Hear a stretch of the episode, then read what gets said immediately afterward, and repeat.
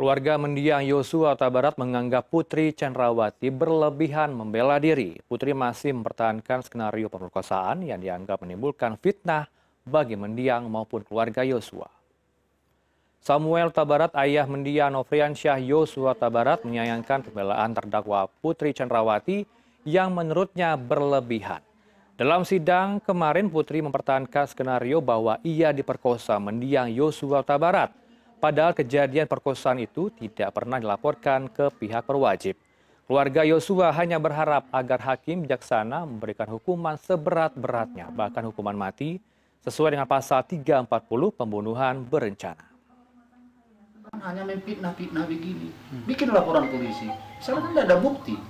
Kalau memang benar-benar, jangan hanya memfitnah.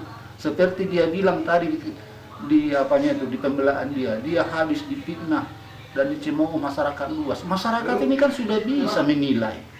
Bukan sebodoh yang dia anggap lagi masyarakat ini. Pembelaan diri itu terlalu berlebihan. Bahkan dia membilang kalau bisa bertemu dengan secepatnya dengan anaknya. Anak kami dikemanakan yang sudah mereka bunuh. Tidak bisa lagi kami bertemu untuk selamanya. Berarti di situlah kemunafikan dia di dalam pembelaan dirinya ini hanya mementingkan pemikiran dia. Anak dia masih hidup, dia masih hidup, masih bisa bertemu dengan anaknya. Hmm. Kami sudah dihabisi orang itu nyawanya dengan secara sadis. Hmm. Jadi berpikir hanya untuk dirinya itu artinya munafik dia.